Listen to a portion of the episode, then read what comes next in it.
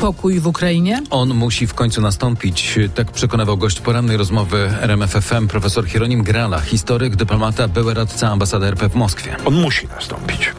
On musi nastąpić nie darmo w mediach rosyjskich coraz częściej. E, przytacza się wypowiedź dawno już nieżyjącego, kiedyś bohatera publicznego, generała Lebiedzia, że po każdej wojnie następuje pokój i nie ma sensu prowadzić wojny, bo ona zawsze prowadzi do setek tysięcy zgonów. Jeżeli wraca wypowiedź Lebiedzia z czasów wojny e, czeczeńskiej, to ona po coś wraca, a wraca również na kanałach państwowych. Wraca po to, żeby Rosjan przygotować do tego, że mm, zawrzemy pokój z Ukrainą?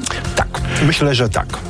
Profesor Hieronim Grala i Robert Mazurek. Całą rozmowę znajdziecie na rmf24.pl. A dziś przypominamy 384 dzień rosyjskiej wojny przeciwko Ukrainie. Prawie 900 gospodarstw jest bez prądu w okolicach Cieszyna i Bielska Białej w Śląskiem. To skutki silnego wiatru, który wieje tam od wczoraj. W związku z wichurą minionej doby strażacy w tym regionie interweniowali ponad 60 razy. Ostrzeżenie o silnym wietrze w czterech powiatach na południu województwa śląskiego obowiązuje do południa. Z wichurami zmaga się także południe Małopolski. W nocy strażacy interweniowali kilkadziesiąt razy, najwięcej w powiatach tatrzańskim i wadowickim, gdzie usuwali powalone drzewa. Na szczycie Kasprowego Wierchu podmuchy wiatru dochodziły do 125 km na godzinę, w Zakopanem do 95 km. Na południu Małopolski alerty drugiego stopnia obowiązywać będą, powtarzamy, do 18. Radio, muzyka, fakty. RMFFM.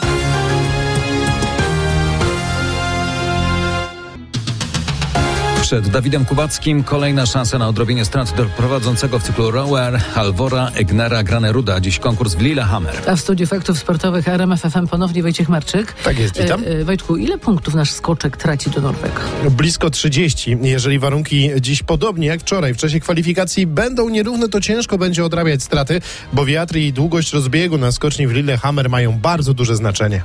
Taka jest specyfika, no jak jest troszeczkę ten wiaterek się rusza, no to robią się punkty, no to jest 14 metrów, e, razy 1, 8, no to się już robi prawie 30 punktów. Coś tam za wiaterek odejmą, no ale reszta zostaje, noty zostają. Mówił Dawid Kubacki. W sumie w konkursie zobaczymy sześciu Polaków. Początek rywalizacji o 16.10, a transmisja na antenie Eurosportu. Wieczorem zaś poznamy kolejnych ćwierćfinalistów piłkarskiej Ligi Mistrzów.